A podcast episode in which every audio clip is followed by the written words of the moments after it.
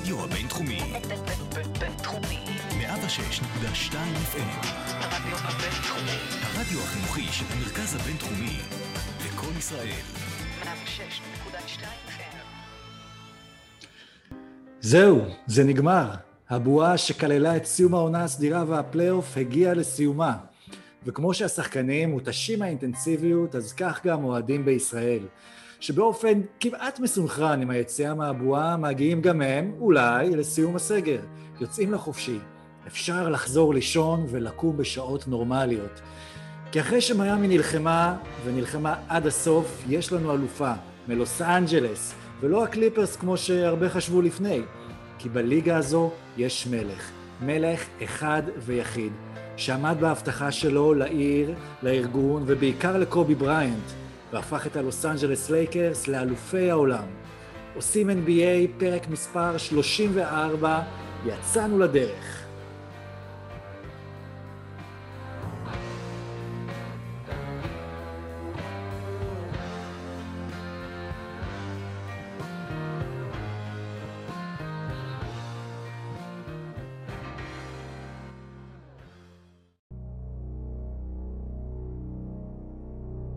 Ladies and gentlemen, welcome to OSIM NBA.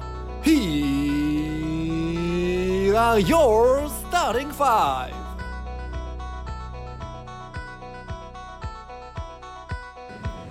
האם לברון ג'יימס מסוגל למתוח את גבולות הזמן? מי כמעט היה פיינלס MVP? מי היה פיינלס KCP? האם פרנק ווגל צריך לקבל את ה-damn respect too? מדוע בחר אקס פולסטרה? מתי הסתיים חלון האליפות של מיאמי? וגם, כך ייסד אדם סילבר את מדינת אוטופיה. עושים NBA, אז אנחנו בפרק מספר 34, וכמובן, בדיוק היום, אנחנו, היום הזמן של הקטר, אנחנו מציינים שבעה חודשים מהיום שהליגה הושבתה, אה, ב-12 למרץ, ומי האמין לפני שבעה חודשים שאנחנו נהיה בסטטוס הזה באקסטזה ממה שעברנו, ואנחנו נדבר היום יותר קצת על, על ה Finals, על הסדרה, על המשחקים שלא הספקנו לדבר מאז הפרק הקודם, גם קצת על כל מה שהיה בעונה, ועוד נשמור הרבה לסיכום אה, להמשך. בואו נתחיל עם השלומים, שלום ערן סורוקה, מה נשמע, וברכות על האליפות. כן.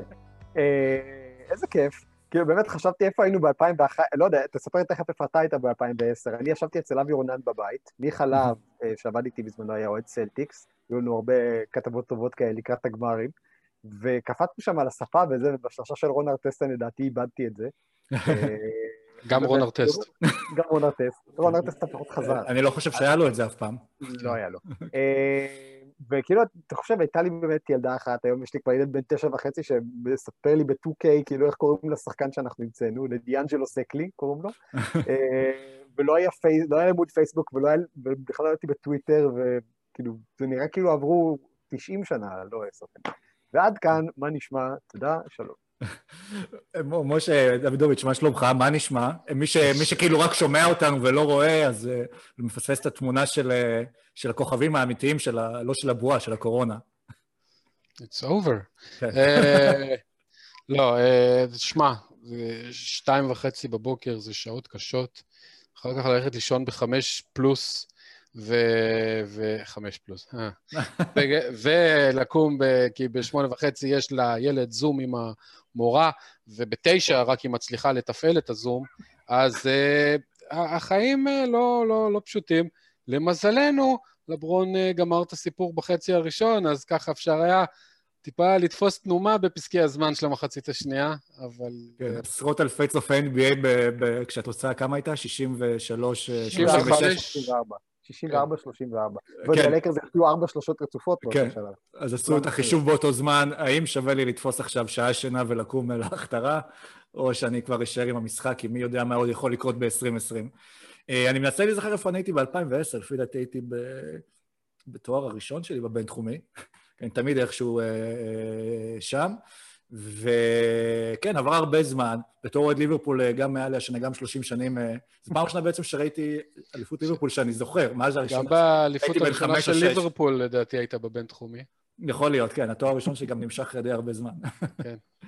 ועשר שנים מה- מהאליפות האחרונה של הלייקרס כבר רגילים לפתוח עשורים עם האליפות, בואו נקווה שעכשיו, אה, אני מקווה שזה לא יימשך יותר מדי אה, זמן. והלילה היו אה, חגיגות, אה, זה באסה לחגוג שתי אליפויות כאלה, גם של ליברפול וגם של לייקרס בלי קהל אה, אה, מהבית, אבל אה, אומרים תודה על מה שיש, בטח בעונה הזו שבכלל לא, לא האמנתי באיזשהו שלב ש, ש, אז שהיא אתה- תחזור. אז אתה אומר ש-2020 זה שנה נהדרת. כן, תראה, גם אליפויות, גם קיבלתי קורונה. אז אני כאילו... וואו. עד, עד נכון לכתבה שקראתי לפני שעתיים, אני די בסדר. אה, זה ולא בעצם יכול הייתה עונה להידבק של- שוב. זו בעצם הייתה עונה של שילוב בין לייקרס nation ל coronation. נכון, כן. אה, ו... הייתה שנה טובה 2020, למה אנשים מתלוננים? בכל מקרה, זה הזמן שלנו לצאת לדרך, ואנחנו עכשיו ישר ממריאים לרבע הראשון.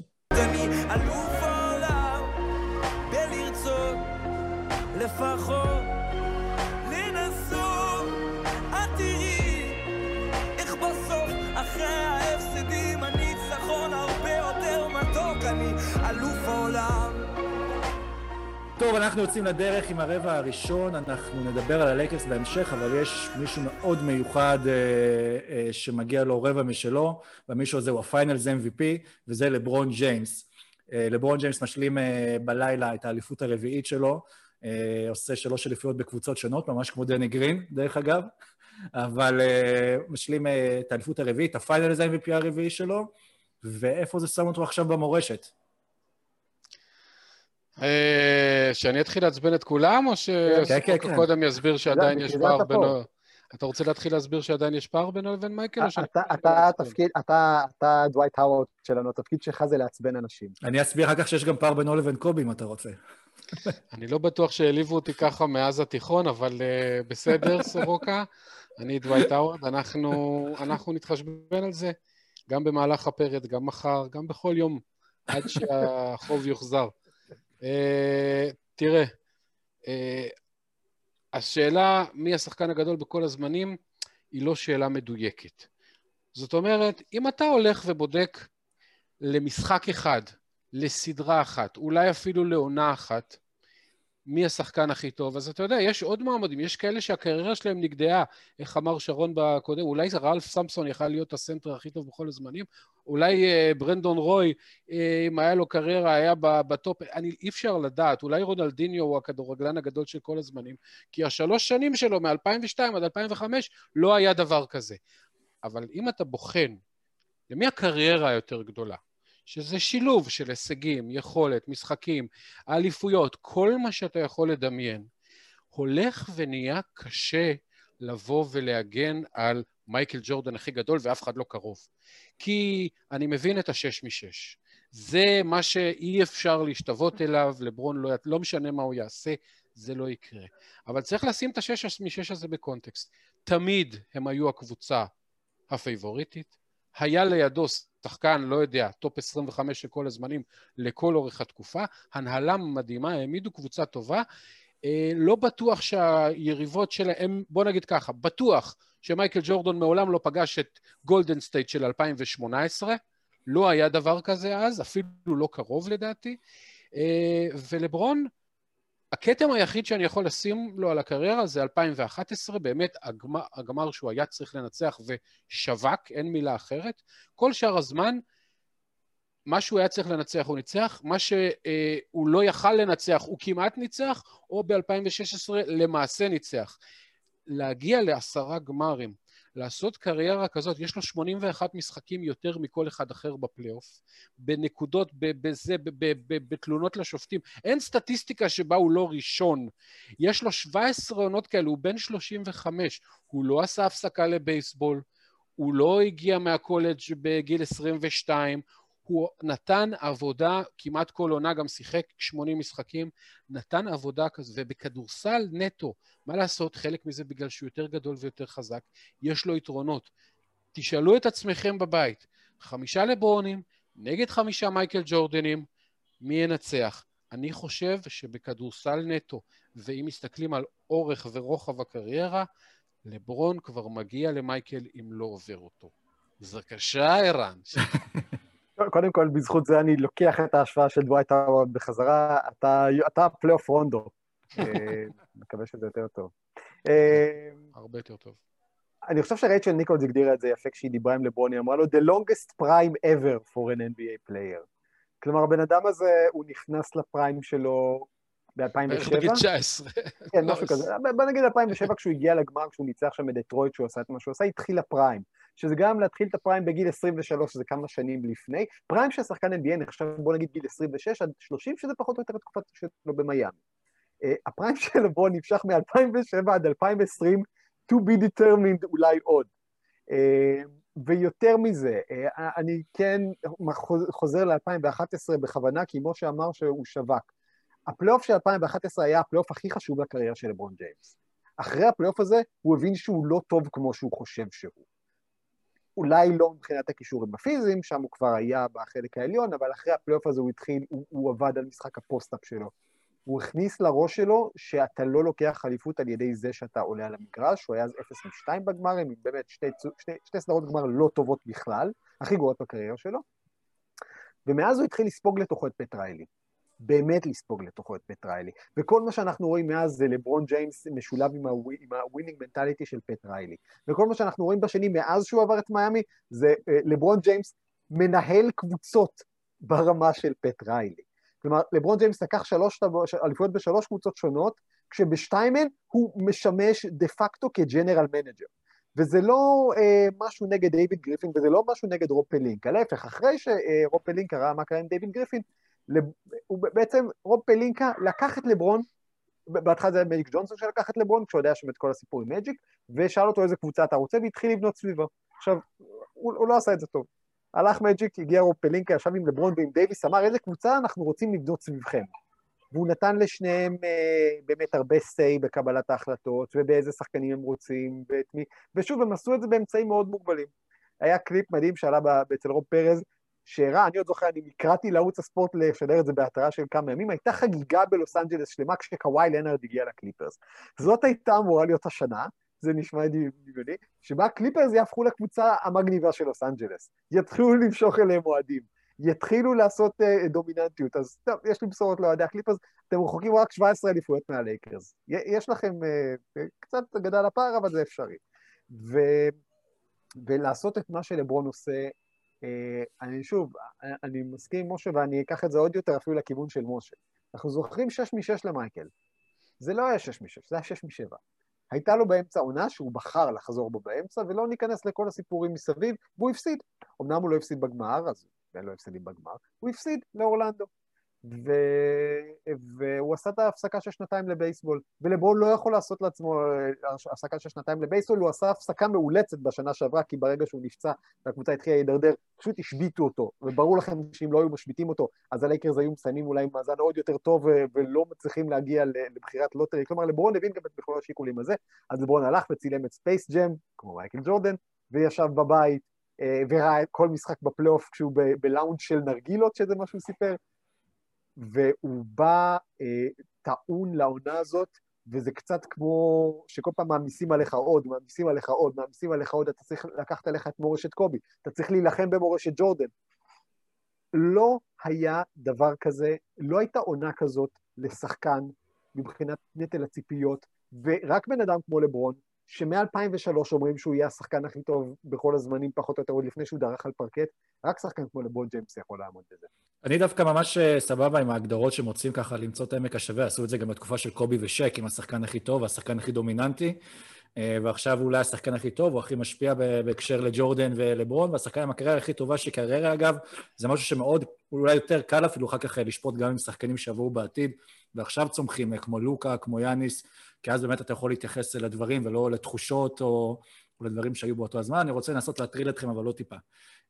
אמרתם שבאמת מייקל ג'ורדן לא התמודד מול גולדן סטייט של 2018, 2017, אבל יכול להיות שלברון ג'יימס בסדרה הזו אולי התמודד מול קבוצה שמבחינת כמה שהיה קל לו מולה, אני לא יודע אם קל זה הגדרה הנכונה, אבל קבוצה חסרת ניסיון, כמו שלג'ורדן לא היו כאלה בתקופות האליפויות שלו, כי בסוף בכל זאת הוא משחק נגד ג'ימי באטלר, שזו הופעת finals ראשונה שלו, שמן הסתם הוא פרץ, נדבר על זה גם אחר כך בהמשך, ולצידו מלא שחקנים צעירים.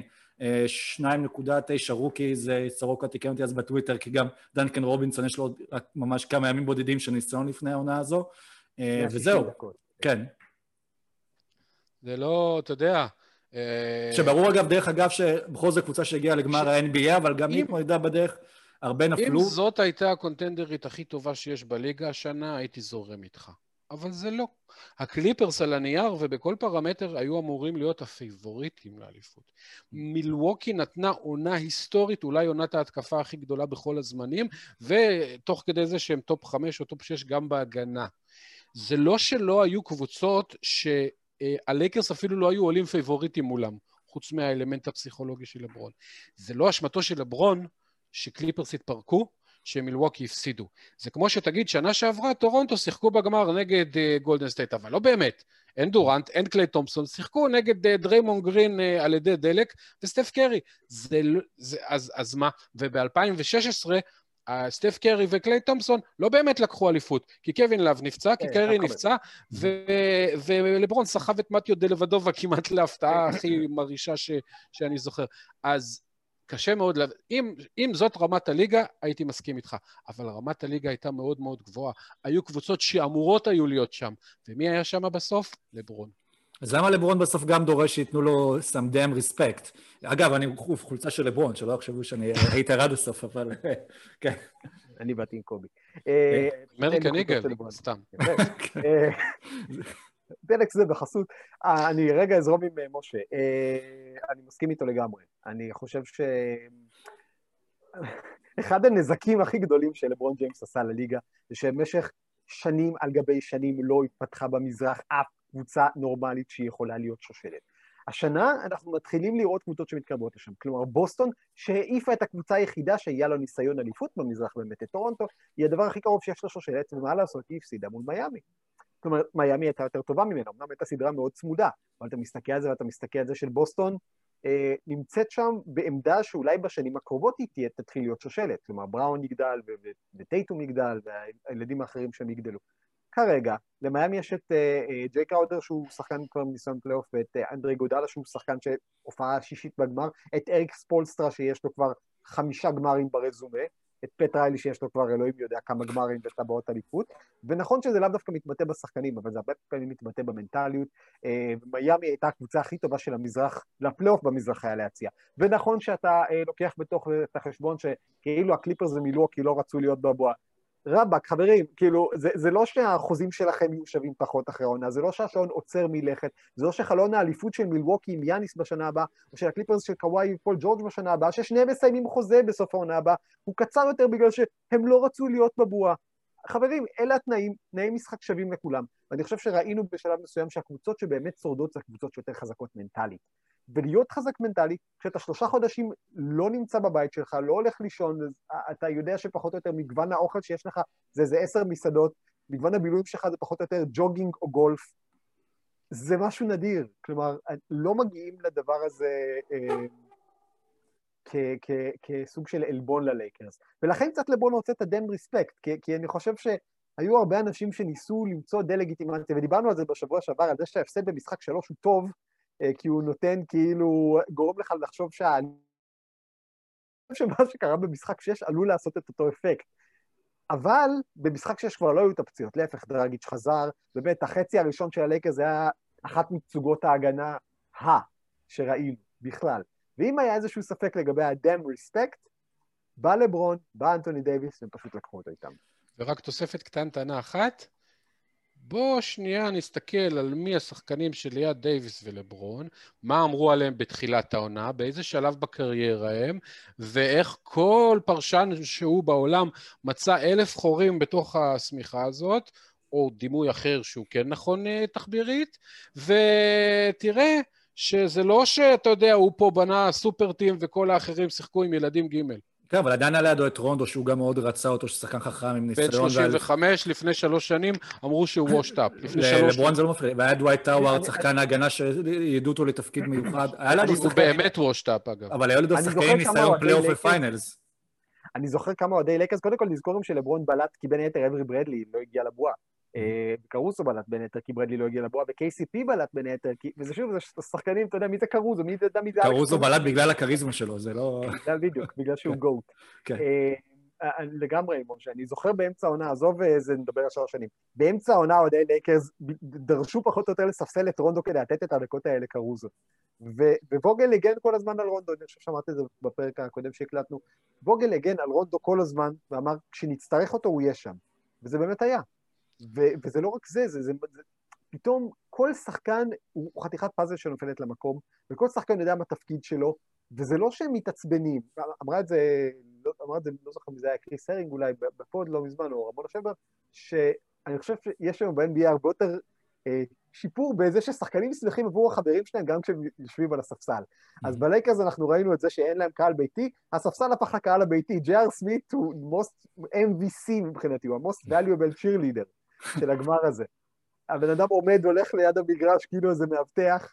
באמת, הספסל של הלייקרס, אתה ראית מה זה קבוצה מחוברת, אתה ראית מה זה אווירה, אתה ראית מה זה היררכיה בפעולה. ושחקנים ש- ששיחקו כל העונה סנטר פותחים, זורקים אותם, לא משתפים אותם בכלל, והם לא אומרים כלום, הם מבסוטים. כן, כי הם מבינים מה המקום שלהם בקבוצה. כולם מבינים מה המקום שלהם בקבוצה. אני יכול, אני מסכים, אנחנו גם נרחיב יותר על לייקרס ברבע הבא. אני פשוט חרה חרה לי קצת, לי קצת שהמשפט שאולי יזכרו מלברון זה המשפט הזה. גם בעונה, כולם ציפו למשפט של קובי, This is for you, דברים כאלה, ובסוף אה, כולם זוכרים את המשפט הזה. שאני לא זוכר, אה, כוכבים אחרים אומרים, אולי לילארד אמר את זה בתחילת הפלייאוף, ואז עוד יותר אה, באסה לי שהוא כבר משכתב משפט של מישהו אחר. אבל היה פלייאוף מטורף ללברון, זה כן. מה לפי דעתכם המשחק שאולי הכי נזכור מהפלייאוף הזה אצל לברון ג'יימס? אם אני אתחיל, אני דווקא חושב שהמשחק הכי אה, גדול של לברון ג'יימס, שנזכור שנים קדימה, היה משחק שהוא הפסיד. לדעתי, משחק ארבע, הדו-קרב הזה בין לברון לבטלר, אני, אני לא זוכר כזה חמש. דבר. משחק חמש. חמש, סליחה, לא זוכר כזה דבר. אה, גם לא, אני לא זוכר, היה לו קרב עם פול פירס ושניהם מעל 40 נקודות. מה שבטלר עשה במשחק הזה, אני לא זוכר מה זה היה, 40, 12, 10 עם חמש חטיפות, או משהו כזה, ולברון בעצמו עם איזה 40, 13, 7 ו- ואחוזי קליעה טובים. זה היה קרב באמת שנזכור, למרות שבסוף הלקרס הפסידו, אבל uh, הוא, זה היה שני, שני שחקנים בפיק של הפיק. Uh, אני חושב שבשאר המשחקים לברון לא הגיע בדיוק ליכולת הזאת, אבל לא היה לו אף משחק חלש. כאילו, כל ההופעות שלו היו, נגיד, A מינוס ברמת הלברון, אבל לא היה לו B או C, הכל היה אותו דבר. 28, 10, 9, 20, 32, 12, 7, הכל היה ממש כמעט אותו דבר. הבדלים קטנים פה ושם בהתאמות, אה, והשאלה אם אנטוני דייוויס הגיע היום או לא הגיע היום. לדעתי את המשחק הזה מול באטלר נזכור הרבה שנים קדימה. אני איתך גם לגמרי לגבי המשחק אה, אה, הזה, מה שבכדי גם היה מאוד מיוחד במשחק הזה, שבאמת קיבלנו את הראש בראש של לברון מול באטלר, ששומרים גם אחד על השני. כלומר, בסדרות אה, קודמות של לברון, בסדרות גמר, לאו דווקא הכוכב של הקבוצה, נגיד אם זה סטף, אתה לא היית שם אותו על לברון ג'יימס, ופה ממש ראינו אותם התקפה אחרי התקפה ראש בראש, באטלר 47 דקות כמעט כל המשחק, לברון כמה משחק? 42 דקות. כן. אה, וזה מהדברים שאנחנו אוהבים לראות, את ה- את הגיבורים, את ה- את האנשים, נכנסים ראש בראש. כן, ואני אוסיף עוד משהו, כי אנחנו מעריכים את הרבע הזה כאילו למצעד האליפות של הלייקרס. אה, רבע ארבע במשחק האחרון נגד דנבר, זה היה ברמה של הגמר וזה היה הכנה לגמר. אה, מבחינתנו, הוא, הוא אמר שם לפני המשחק לקריס היינס, אני הולך לגמור את הפיפס הזה היום, בוא תראה. אמר ועשה. אתה עושה פיפסים בפוד שבו אני מספר בדיחות שואה, יפה. תודה על הרוח, התמימות הפשוטה, הליטוף, החיבוק, המילה הטובה. על הכל את האדם המוסר, תודה אנשים טובים, תודה. תודה אנשים טובים, תודה. טוב, אנחנו יוצאים עכשיו, אז הרבע מספר 2, הרחבנו ממש על לברון ג'יימס ברבע הראשון, עכשיו גם ניתן אה, את הכבוד לשאר הלייקרס, הקבוצה שהייתה שם אה, לצידו, וסדרת הגמר הראשונה של אנטוני דייוויס, ואפשר להגיד שהוא צלח אותה די, די טוב. בוא נגיד ככה, אה, לברון הוביל רוב הזמן, גם כן, דייוויס היה מן הסתם בדיבור חזק על ה-MVP, למרות שלברון די הוביל שם, הוא די סגר את הפינה לברון בשני המשחקים האחרונים, אבל... לברון ורוב פלינקה ניצחו בסוף עם הטרייד עם ניו אורלינס. אה, כן, אני מבחינתי הדבר הכי גדול שאנטוני דייוויס עשה בסדרה הזאת, זה לא עזר לו לזכות באף קול בהצבעת ה-MVP. אנחנו זוכרים את גמר המזרח, אנחנו זוכרים מה עשה שם באם אדבאיו. באם אדבאיו, עד המחצית השנייה של הגארבג' 2, לא היה קיים בגמר המזרח הזה.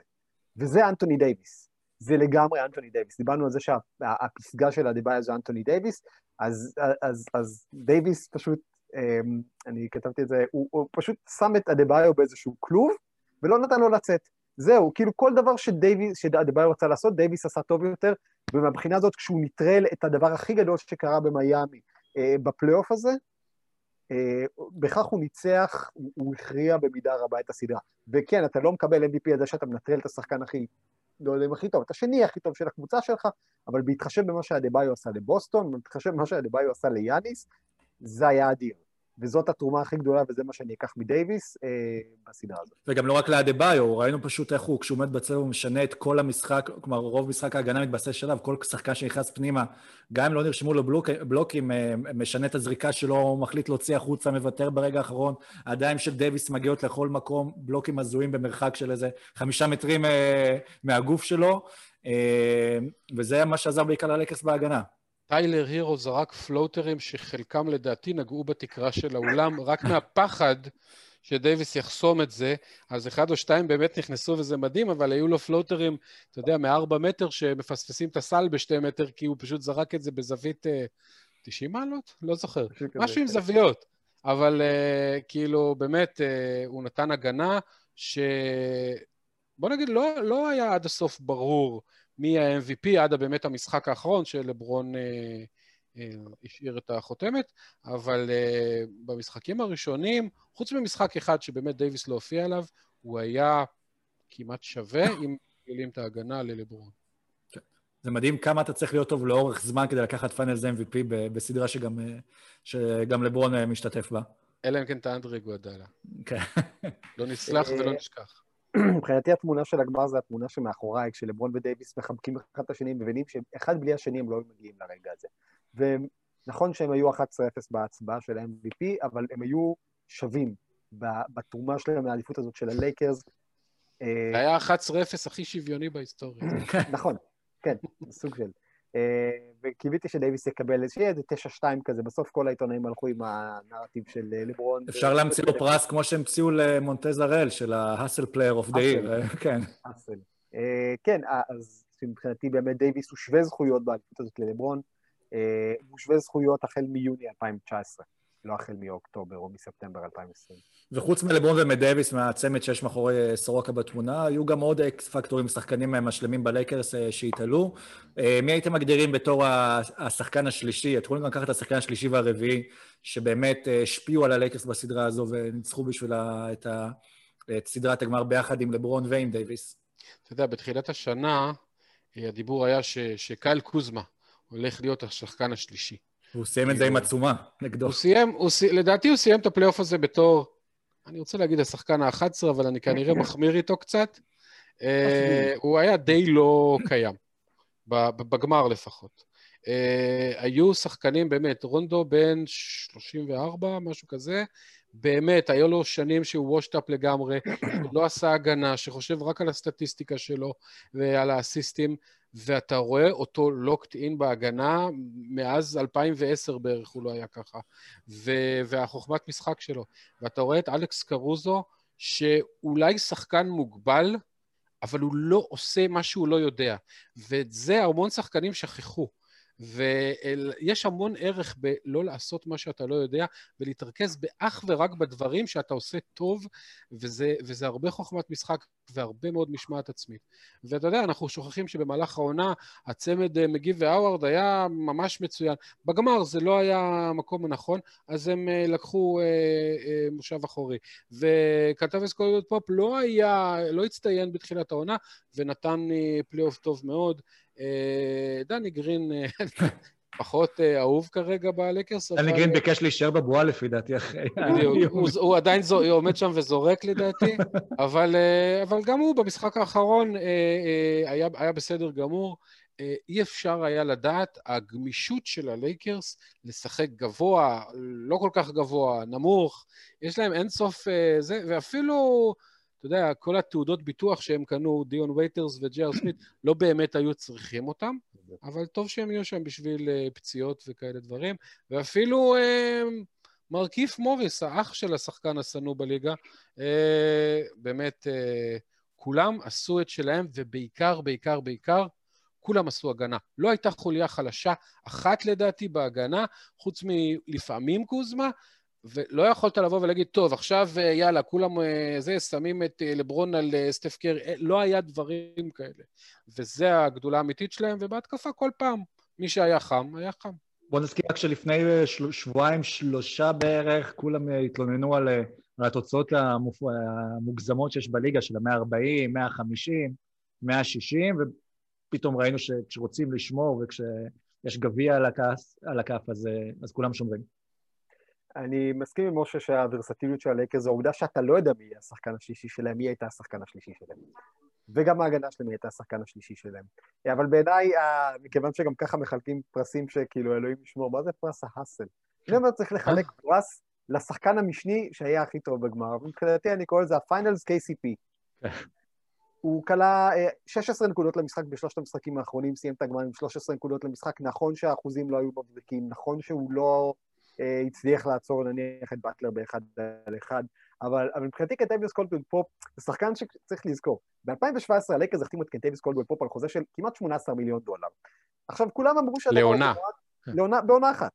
וכולם אמרו שהדבר הזה קרה מסיבה אחת, כי הבן אדם חתום בסוכנות קלאץ'. עכשיו, אני זוכר, הבן אדם, שידרתי אותו כמה פעמים בדטרויט, שחקן טוב, אפילו שידרתי איזה משחק טוב שהיה לו שהוא קלע כמה שלושות, ותמיד אמרת כזה, אוקיי, מה, למה? כאילו, זה בן אדם שבאמת אמור להיות בחמישייה של הלייקרס ליד לברון, זה בן אדם, עכשיו הוא גם, הוא גם לא היה בחמישייה רוב העונה, כלומר, הם שיחקו עם ברדלי וגרין.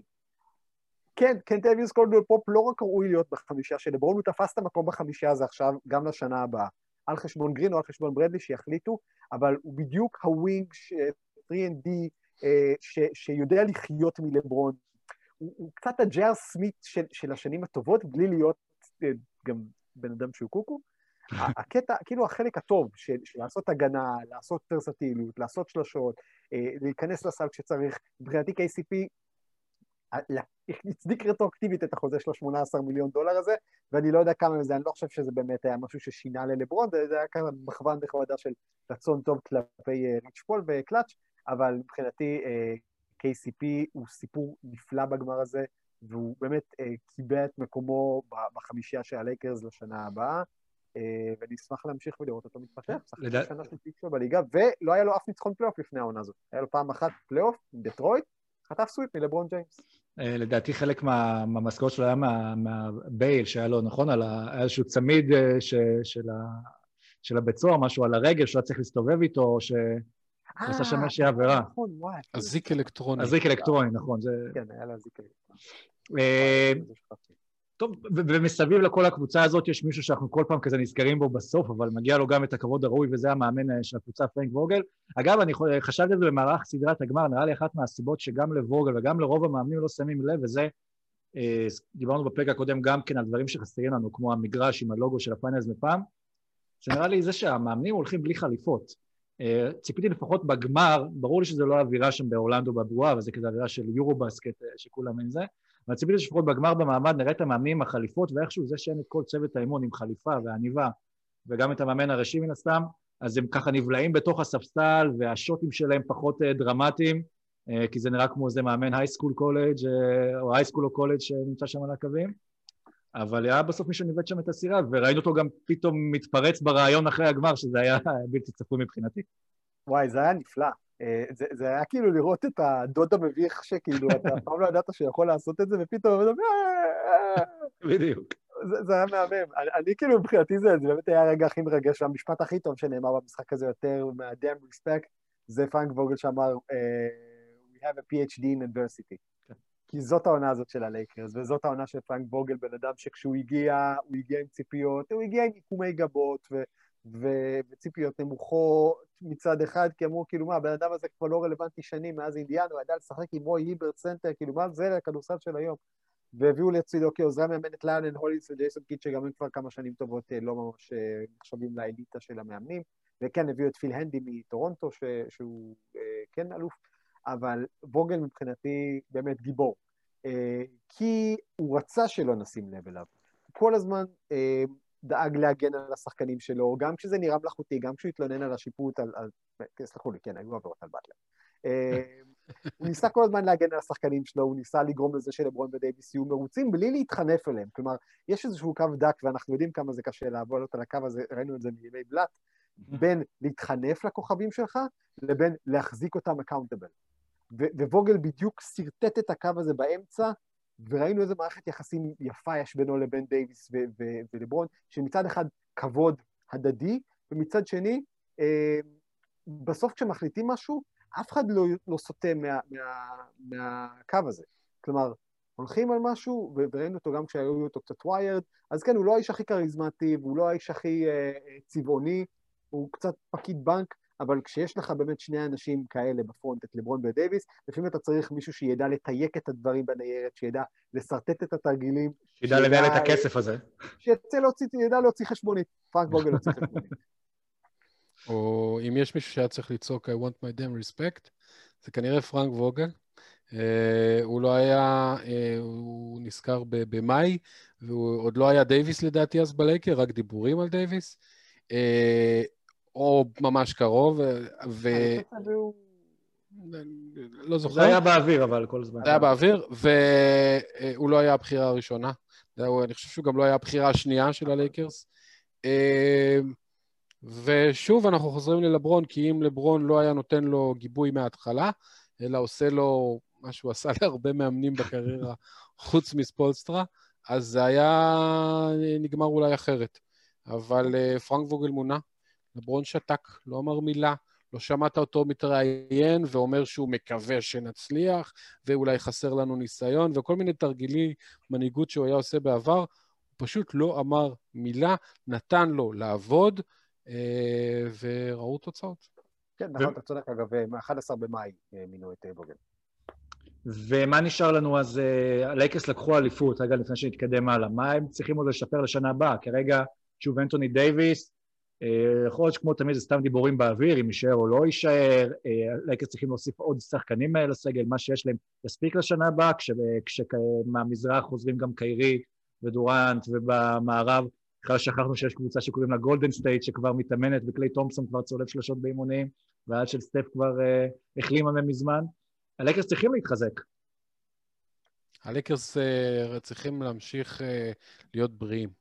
הם זכו בעונה בריאה מאוד של לברון, בכל זאת בן 35. הם זכו בעונה בריאה מאוד של אה, דייוויס יחסית. עוד שהוא- חודש וחצי כבר 36, ו- וגם שאני- רונדו כבר... אה, בפנטזי תמיד הייתי קורא לו ילדה עם קוקיות, כי כל פעם שהיה עובר לידו משהו, היה בחוץ לשני משחקים, איי, כואב לי בטוטה, וסך הכל הוא עכשיו מחזיק עונה שלמה ויפה, ואפילו כשהוא נפצע בגמר אמרתי, טוב, הנה, זה היה ברור שזה יקרה, והוא חזר עוד באותו משחק. בדרך כלל הוא היה ככה יושב איזה שבוע בבית אה, לנוח, וזהו, הם צריכים בריאות, כי אני לא יודע מה אפשר. אנחנו כבר נכנסים לענייני CBA וזה, אין הרבה מה לעשות עם הסגל הזה, זאת הבעיה. אתה לא יכול, קייל קוזמה, שהוא כאילו ה-trade asset הכי טוב, הוא מרוויח שלוש וחצי מיליון לעונה, ואתה לא באמת יכול להשיג שום דבר ממש שווה ערך. הם עוד משלמים אלו על דנג, או שנגמר כבר החוזה שלו? לדעתי נגמר, זה היה אה, השנה 2016. נגמר. כן. לא, אה, עשו buyout לדעתי. אה, stretch, לא, כן. אבל אה, אתה יודע, אתה תביא את קוזמה ו- ותאחד אותו עם עוד משהו, עם, עם רונדו, אתה לא יכול, לעש... אה, עם דני גרין, סליחה, אתה יכול להגיע ל-19 מיליון, אבל אתה לא תקבל את קוזמה ודני גרין, אתה תקבל משהו אחר. אחד, אולי הוא מספיק טוב, אולי לא. בחירות דראפט הרי לא מעניינות אף אחד ב- בלייקרס, כי לברון אין זמן. אה, אני לא בטוח שהם יכולים לעשות הרבה, חוץ מלשמור על מה שיש, ולחשוב איך מתמודדים אה, עם אה, קליפרס שלא מתרסקת, עם אה, מילווקי שמשתפרת אולי, והמערב שנה הבאה הולך להיות מרחץ דמים, אומרים בקראטה קיד, לא? הלייקרס dodged the bullet, מה שנקרא, בזה שהם לא פגשו את הקליפרס. כי מה שחסר ללייקרס באמת, זה זה קצת מה ש... שוב, אנחנו לא ראינו את זה, כי לברון עשה את זה בעצמו. זה קצת מישהו שיודע לקחת שחקן perimeter, ונכון שהיה להם הגנה מדהימה קבוצתית, ובסוף כשאתה מפרק את זה להאם יש לך שחקן שמסוגל לעצור שחקן perimeter מוביל בקבוצה השנייה באחד על אחד, אם הוא היה גארד זה היה קרוסו, אם זה היה כנף זה היה רק לברון. כלומר, אה, וזה מה שהלקרס צריכים לכוון אליו. כלומר, אני לא יודע אם יצטרכו לוותר על גרין, וקוזמה גרין כבר לא שם. אה, קוזמה אולי יהיה שם. אגב, היו לו דקות של הגנה טובה בגמר, וכשהוא עשה הגנה טובה, הוא עשה אותה יפה. אז אולי קוזמה יתפתח לזה, אני לא יודע. קוזמה, אני, אני עוד זוכר שהוא דיבר אחרי משחק נגד בוסטון, אמר, אני רוצה לשמור על שחקני כנף. אז אם הלייקרס לא יצליחו למצוא מישהו לגרין וקוזמה, אז, אז, אה, אז אולי עדיף להישאר. הלייקרס צריכים עוד מאבטח ללברון. הלייקרס צריכים עוד ג'יי קראודר. אה, מישהו כזה שיבוא וייתן את המכות ו- וישים גוף אה, על, על שחקנים יריבים כדי לתת ללברון לנוח. כי נזכור שוב, אני לא יודע מתי תיפתח העונה הבאה, כמה היא תהיה, הלייקרס צריכים עוד wing קשוח, מניאק, שיודע לקלוע מבחוץ, ויעזור ללברון אה, גם לנוח. מה שעשו עם רונדו בפלייאוף, שנתן ללברון לנוח על המגרש כשרונדו מרכז, זה היה חלק גדול מזה שאפשר ללברון באמת להיות לברון. עוד דבר כזה, רק בהגנה. ההקפה האחרונה, לי יש קשיי נשימה, אני מפסיק לרוץ, והולך לפינה, ורואה איך את חלומך את מגשימה.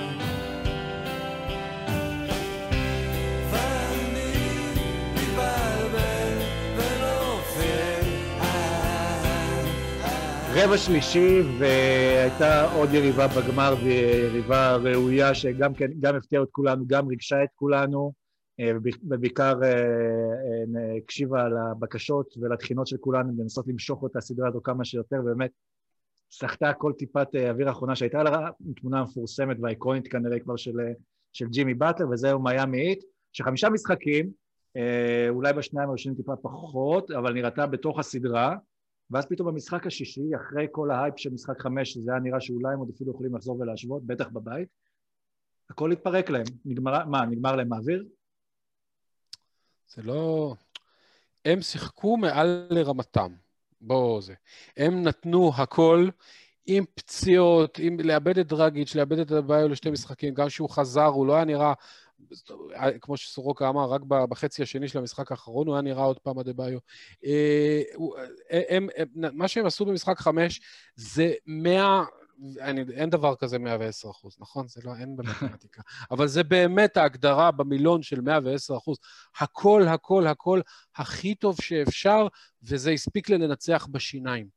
זהו. ביום שהם לא 110 אחוז, הם לא יכולים לנצח סדרה מול אה, לברון אה, נחוש להגן על המורשת, ואנטוני דייוויס, שעדיין, עם כל הכבוד לבטלר, שחקן יותר טוב כנראה, כולם יסכימו, זה, ו, והם משחקים עם הירו ועם קנדריק נאן ועם אה, דנקן רובינסון האליל שלי, כבר קניתי עוד פסט פוסטר לחדר.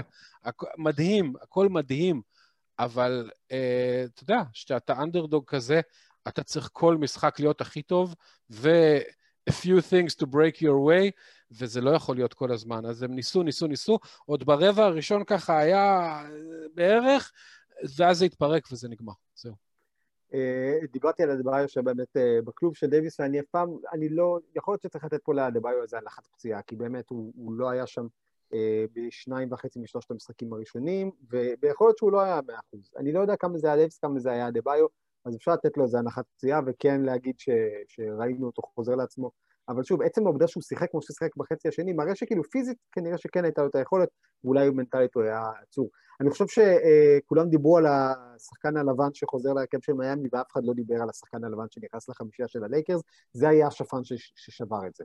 כלומר, ברגע שהלייקרס אה, לא רק אה, הוציאו את דווייט מהחמישייה, אלא הכניסו אליה את קרוסו, אז מכיוון שמיאמי כבר החליטה לגרור את הלייקרס למשחק של גארדים, הלייקרס היו עוד יותר סוויצ'בילים, עוד יותר זריזים, עוד יותר אגרסיביים בלמנוע חדירות, ועוד יותר מכל מה שעבד להם במשחקים הראשונים, וברגע שזה לא עבד למיאמי זה הפך פשוט ל...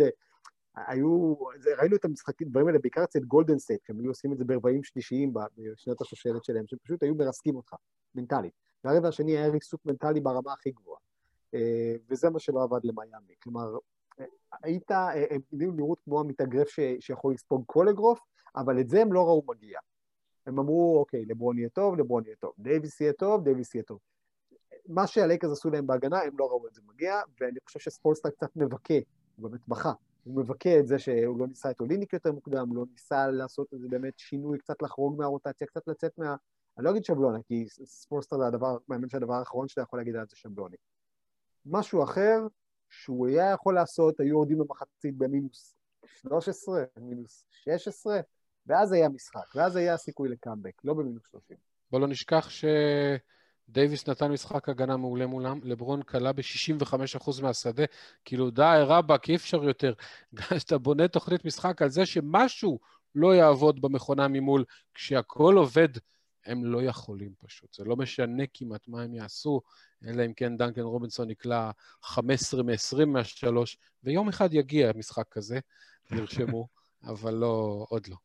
האמת זה באמת הרגיש כדי ש... זה מה שמדהים, ש... כי זה הרגיש כדי שמיאמי יצטרכו לנצח, הם יצטרכו לתת אפילו הרבה יותר מ-110 אחוז, ועצם העובדה שהם הצליחו לעשות את זה, ואפילו פעמיים, אפשר גם להגיד אפילו פעמיים וחצי, זה מה שמדהים, בטח עם שחקנים אה, חסרי ניסיון. אה, אני חושב גם שחוץ מג'ימי באטלר, שמן הסתם עשה צעד קדימה לקריירה ולמורשת שלו בסדרה הזו, אה, הרבה שחקנים צעירים, חשוב שראו שהם כן יכולים להתמודד ברמות האלה, ואפילו זה ברמה הכי גבוהה שיש, לא רק ב-NBA, אלא בליגה עצמה, שזה טיילר הירו, שהמשיך לס- אה, לקלוע ב double figures בכל המשחקים וראה שהוא שייך לשם, וזו רק בעונת הרוקי שלו. זה קנדריק נאן שהצליח, אה, שספולסטרה החזיר אותו לרוטציה, והזכיר לכולנו למה הוא גם נבחר לחמישיית הרוקיז של העונה. וזה דנקן רובינסון עם כל ה impostor syndrome שלו, שלא הצליח לפגוע בהתחלה, אפילו משחק, משחק אחד מספיק שהוא קלע בו שבע שלשות, כדי שהוא יבין שהוא כן אה, שייך לרמה הזו. אה, הזכרנו קודם את אה, פרנק ווגל שצעק, ובאמת יש גם במצב השני את המאמן שבכה, שזה אריק ספולסטרה. אה, איך הייתם מפרשים אבל את הדמעות שלו, מאיפה הם באו? אה, שוב, לדעתי זה... ובצה"ל נכנס לי משהו לעין. לא, לדעתי זה לא אפילו דמעות של אה, עצב על זה שהם לא זכו באליפות, זה איזשהו פורקן על זה שהם בכלל הגיעו לשם. מי נתן להם סיכוי בכלל בתחילת השנה לעבור סדרה בפלייאוף, לא להפסיד 4-2 בגמר, לעבור סדרה בפלייאוף, מי נתן להם סיכוי? אמרו, למה אתה, לבטלר אמרו, לא, לא הבנו, למה אתה לוקח קבוצה שיכולה להתמודד על אליפות, והולך לקבוצה שתסיים מקום שמיני במזרח, במקרה הטוב. אה, יש פה המון המון אה, סתם פורקן, אני חושב שהם יכולים להיות נורא גאים, נורא שמחים, אה, והדמעות האלה זה לא, לדעתי זה לא וואי, איך פספסנו אליפות, זה פשוט מדהים שהגענו לפה, וקתרזיס. וגילינו עוד מעצמה במזרח, כנראה ש, שמסתמנת בלבד מי שכבר היו לנו, בת- הייתה לנו בתוך הרשימות שם. אבל אין להם עוד חלון, רק רציתי להגיד שחלון האליפות שלהם הוא, הוא קטן, כי ב-2065 כנראה גלובל וורמינג הולך לכסות את פלורידה, אז שיזדרזו. אלא אם כן כולם ימותו שם מקורונה קודם.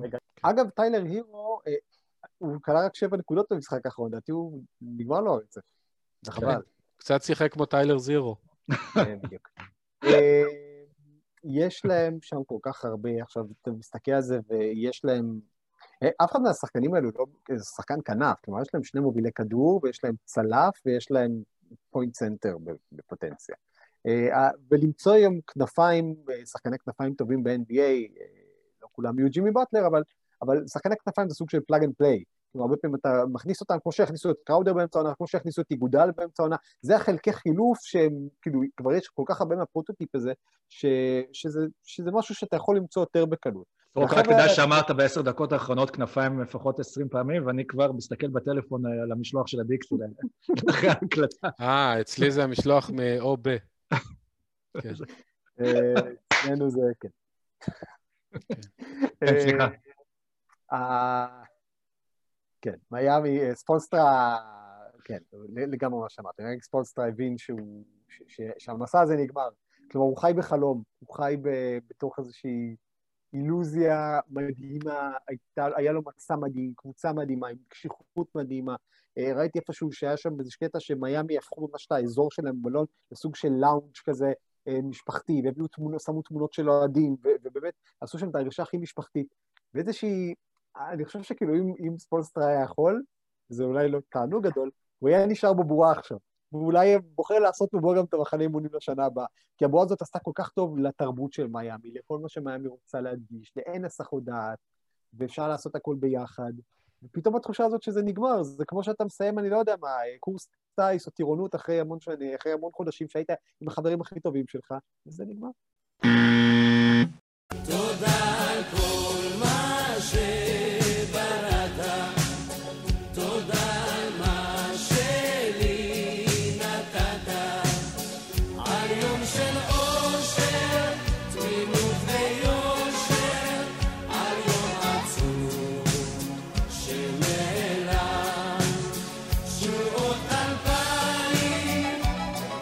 אז אנחנו אה, יוצאים לדרך עם הרבע הרביעי והרבע האחרון של הפרק הזה, וזה הזמן לבחור את הווינרים שלנו, של אה, הבועה של 2020. אה, בואו ניקח כל אחד באמת את, שייתן את הטופ שלושה שלו, לא משנה אם הם היו שחקנים, אנשי מנהלה, אנשי מים, בודקי קורונה וכדומה, מי הם השלושת הגדולים שלכם, של הבועה הזאת, יכולים גם להוסיף לזה אפילו את שלושת הרגעים, אם בא לכם. מי בא לו להתחיל? נזרוק אחד-אחד, זרוק אתה אחד, אה, סורוקה, ונמשיך. זרוק לי מילים.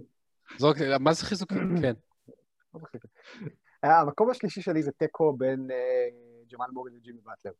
אה, בין ג'יי לג'יי. אה, שני חבר'ה שחשבנו שאנחנו יודעים, באטלר נכון, אה, אה, מורי, מורי נכון, ג'מאל מורי יותר צעיר. חשבנו שאנחנו יודעים מה התקרה שלהם, וראינו שהיא הרבה יותר גבוהה.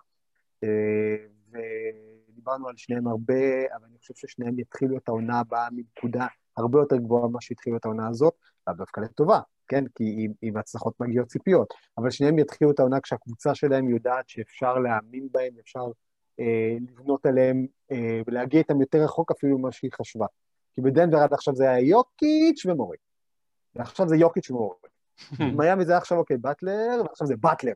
כן. אז מבחינתי שני אלה זה תיקו על המקום השלישי. אה, יפה, אגב, יש לך שתיים, זה, זה פרק ראשון בספר של איך אה, לדחוף ארבעה שחקנים לבחירה של שלושה. כן, אה, ראית מה אני הכנתי. לא, אני, אני, אני רוצה להסכים עם uh, מרי,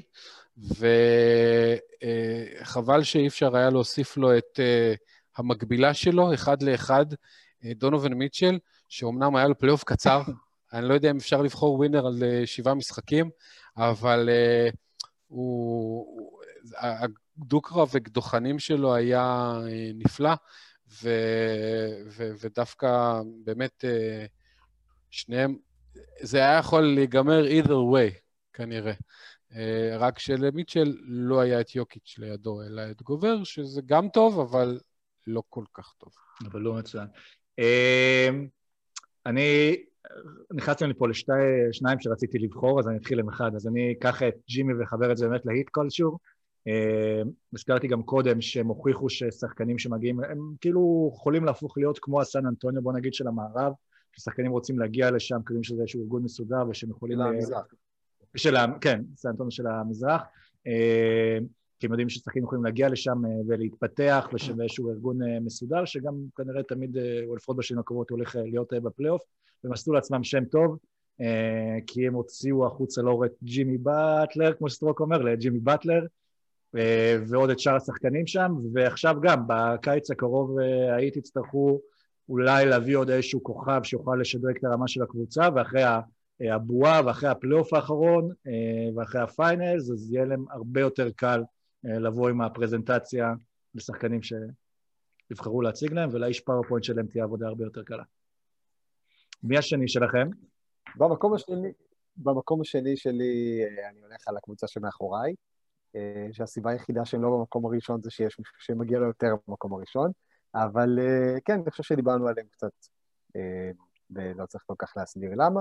מעבר לזה, כאילו מעבר לכל ההישגים שלהם, גם סידרו את החקירה האפידמיולוגית הכי קלה בהיסטוריה לשלושת אלפים המאובחנים המאומתים הבאים בלוס אנג'לס, כולנו ראינו איפה כן. הייתם.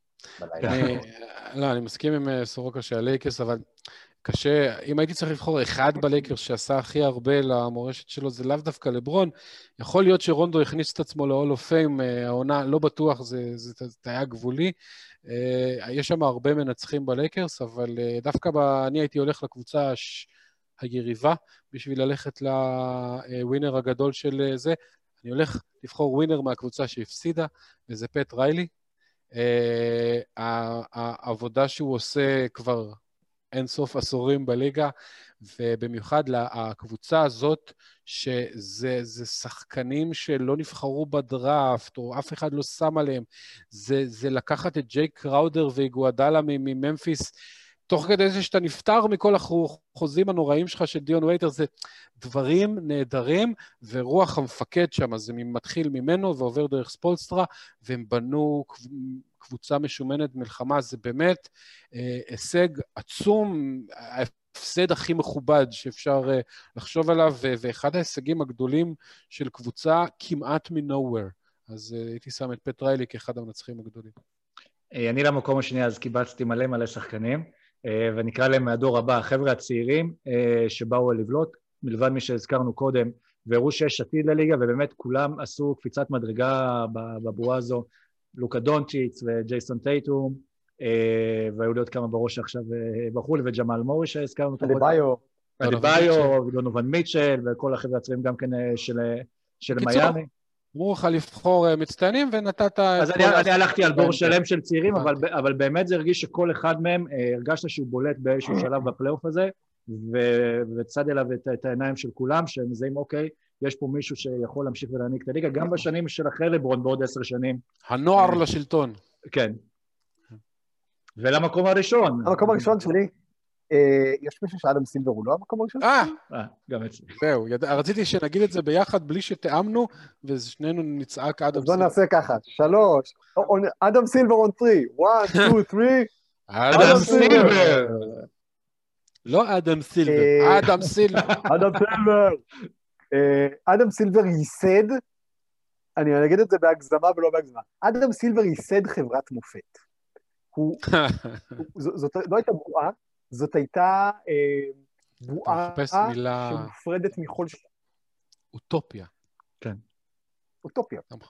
הוא, הוא ברא אוטופיה, הוא ברא אוטופיה שבה שחקנים לא הולכים למועדוני חשפנות, חוץ מאחד, והוא יודע שהוא יחטוף על זה, או מזמינים אליהם לחדר בודקות קורונה, ואף בגלל זה. הוא, הוא הצליח לייסד חברה שבה אין קורונה, אין הסחות דעת, אין... גם האוהדים וירטואליים, וזה מן הסתם הוא הצטער על זה, גם הרייטינג יותר נמוך מן הסתם הוא הצטער על זה, זאת לא הייתה חוויה מושלמת שהוא רצה, אבל uh, חבורה של uh, מיליונרים, uh, בואכה מולטי מיליונרים שחורים, מכתיבים את הקצב למיליארדרים שברובם לבנים וברובם כנראה רפובליקנים. הוא הצליח ליצור מקום שבו באמת המעמדות התהפכו, והכדורסל שלט, הכדורסל הכי טהור שלט, וזה היה מחזה מרהיב. באמת, אני דיברתי על זה כבר שאנחנו רוצים שהוא יהיה פרויקט הקורונה, אני חושב שהוא, אני חושב שהוא צריך להיות פרויקטור העולם, פחות או יותר. כן. הייתה לי היום בוקר שיחה עם, עם, עם סמי זליקסון, שאמר, למה סילבר לא ייקח עליו לנהל גם את הכדורסל האירופי. כלומר, אם כבר אז כבר, אנחנו באמת רוצים שאדם סילבר ינהל כל דבר בחיים שלנו. זה פעם ראשונה וכנראה גם אחרונה שמישהו יצר אוטופיה בלי חשפניות, אבל, אבל הייתה מאוד מוצלחת, וזה לא סתם ש... אתה יודע, תמיד אמרו, יהיה פה כוכבית וזה. אם שחקנים משמעותיים ממש היו מקבלים קורונה ושבועיים בחוץ ומפסדים סדרות, אז אולי מישהו היה חושב על כוכביות. אין פה שום כוכבית, אין אף שחקן, אפס שחקן או איש קבוצה או חדרנית או חוץ מזאת שעם דניאל האוס, אף אחד לא אה, אה, פרץ את הבאמת בועה. זה באמת היה ראוי לשם, שכאילו קצת בצחוק אמרו אותו בהתחלה, זה היה ראוי, וזה כשמסביב יש מעל 200 אלף חולים ו-7 מיליון נדבקים, ואין, אין, כאילו, מתים, הכל... מתים. כן, 200 מתים, סליחה, ו-7 מיליון נדבקים, והכל מסביב עולה באש, ובפנים, בתוך ה... זה כמו הכדורים האלה מזכוכית שבפנים יש שלג של באמצע הקיץ, וזה לא מעניין אותם מה קורה בחוץ, בפנים מחזה מרהיב, ובאמת כל הכבוד שאני מאוד שמח שזה הגיע לסוף ושזה הצליח. אני חושב שתהיה להם אתגר הרבה יותר גדול בעונה הבאה, כי עונה זה לא בועה, ואני לא בטוח שרוב השחקנים ירצו עוד פעם להיות שלושה חודשים בתוך הדבר הזה, אבל זה היה נפלא. ובעיקר אה, זה גם השפעה הייתה לזה עולמית, כי הוא נתן אסקפיזם אולי אה, לכל העולם. גם בישראל אנשים אה, אוכלים את עצמם, הייתי אומר תגובות בטוויטר על זה ש... שנגמרה תקופת ה-NBA וכמה כיף היה, ו... וקשה להיפרד. זה ממש היה מקום אוטופי, כמו שאמרתם, ומושלם, שכולם יכלו לברוח עליו, ובמקומות שדברים מנוהלים לא נכון, אז לחלום איך נראה עולם אוטופי כשהכול באמת עובד ומתקתק כמו שעון, וכולם ערבות הדדית. ממש חוץ בא לי לשיר. שירים של דיסני עכשיו. כן, זה היה דיסנילנד, הוא עשה כן. סיווג הכי טוב לדיסנילנד. לא, אה, אז סיימנו את פרק מספר 34, והפעם זה היה סיכום, פעם ראשונה עונה שאנחנו עושים סיכום, לא בגלל השבתה של הליגה או כל דבר אחר, אלא סיכום אמיתי של העונה, ואיזו עונה מטורפת הייתה לנו, ואנחנו בשבוע הבא נסכם אה, גם את כל העונה, אה, כולל מה שהזעזוע שעברה באמצע בצורה אה, מסודרת ומפורטת, לא שעכשיו לא היה מפורט. מנצחים ומפסידים של העונה כולה, לרבות סם הנקי. כן. ויאללה, בואו נלך נשלים קצת שעות שינה, כי מגיע לנו, ועבדנו קשה בלילות האלה, לא פחות מג'ימי באטלר. אז תודה רבה לך, משה דוידוביץ', תודה רבה לך, לוצקי. תודה רבה, סורוקה, תודה לכם. ואנחנו נתראה בפרק אה, 35 בשבוע הבא. יהיה כיף, תבואו, ולהתראות. יאללה, ביי.